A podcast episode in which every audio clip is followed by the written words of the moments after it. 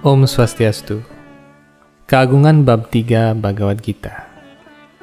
Dikutip dari Weda Gita Mahatmya. Sabda Dewa Siwa kepada Ibu Parwati.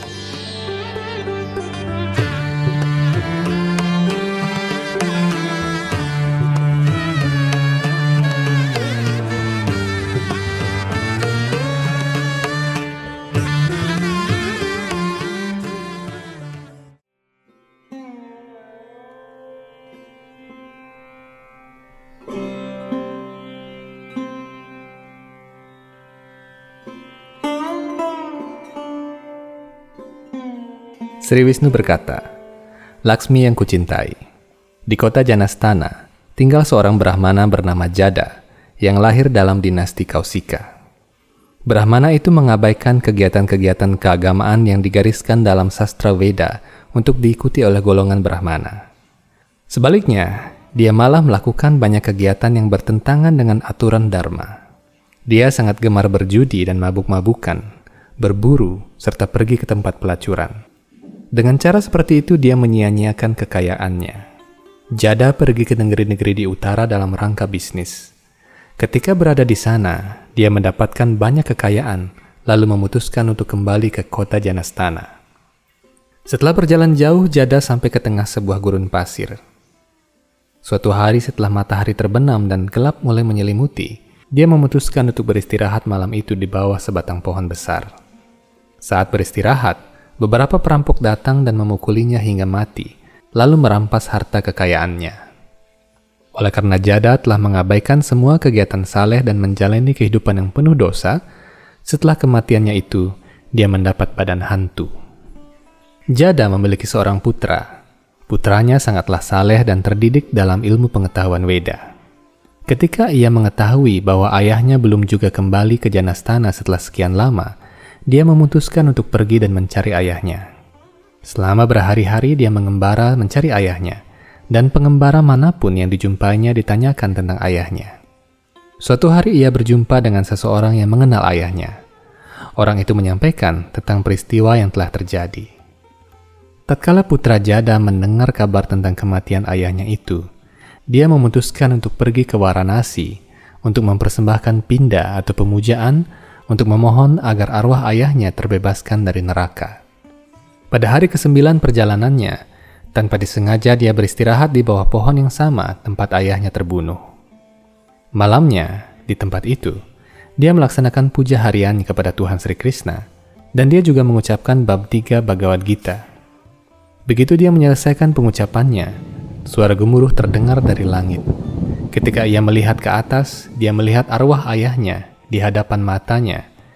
Badan ayahnya telah menjadi salah satu dari makhluk paling rupawan yang berlengan empat dan mengenakan pakaian berwarna kuning.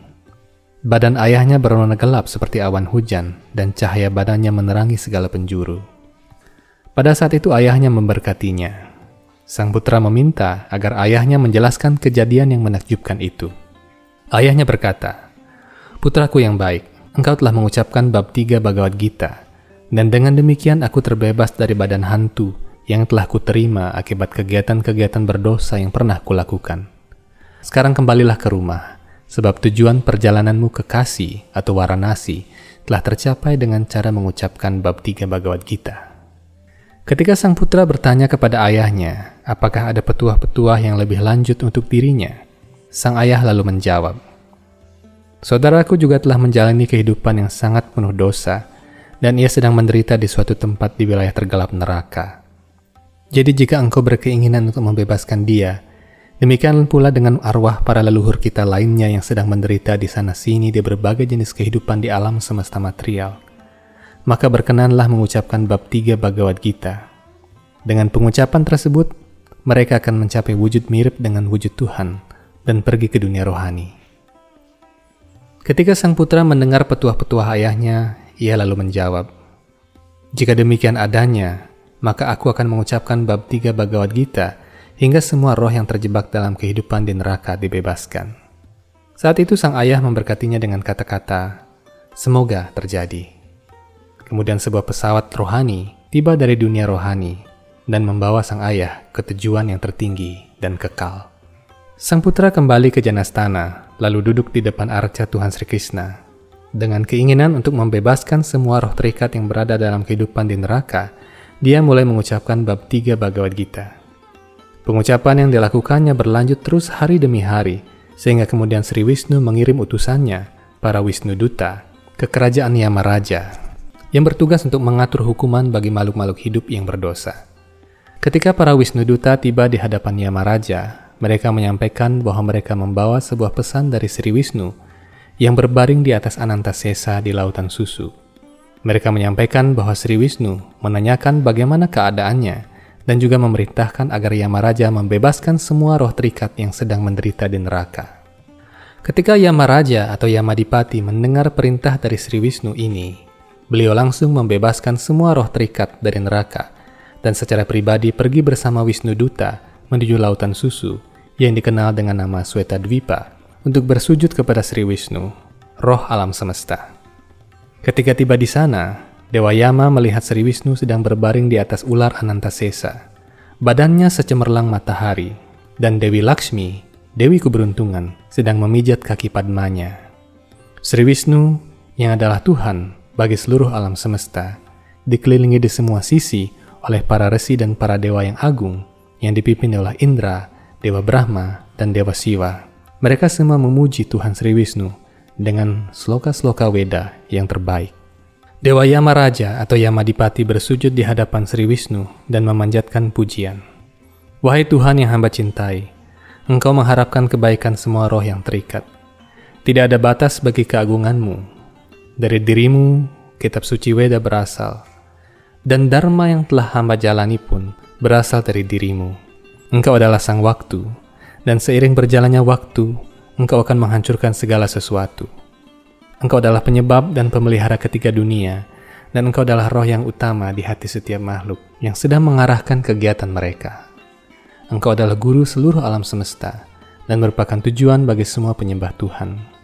Wahai yang memiliki mata bagikan bunga padma, mohon menerima sembah sujud hamba berulang kali. Keagunganmu tiada batasnya. Dengan cara demikian, Dewa Yamadipati menyampaikan penghormatan kepada Sri Wisnu sambil mencakupkan tangannya. Beliau melanjutkan, Mengenai perintahmu, hamba telah membebaskan semua roh terikat dari neraka. Jadi berkenanlah memberitahu hamba tugas apa yang engkau ingin hamba lakukan sekarang. Sri Wisnu menjawab dengan suara sedalam gemuruh dan semanis minuman kekekalan. Wahai Dharma Raja yang kucintai, Engkau adil terhadap semua orang, dan aku tidak perlu mengajarimu tentang tugas-tugasmu. Kembalilah ke kediamanmu sambil membawa berkat penuh dariku, dan lanjutkanlah tugas-tugasmu. Ketika itu Sri Wisnu menghilang dari penglihatan Dewa Yama, dan beliau kembali ke kediamannya sendiri. Setelah putra Jada sukses membebaskan semua leluhurnya dan roh terikat lainnya dari neraka, para Wisnu Duta datang, lalu membawa dia ke kediaman rohani di mana dia bisa tekun dalam pelayanan kepada kaki Padma Tuhan untuk selama-lamanya. Demikian keagungan bab 3 Bhagavad Gita. Om Santi Santi Santi Om.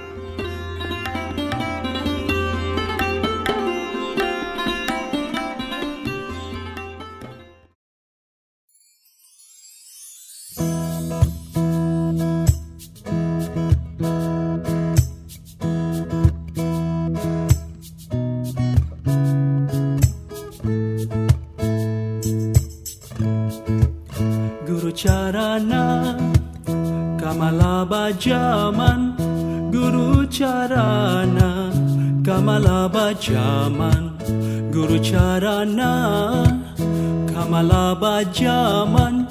Guru Charana Kamala Bajaman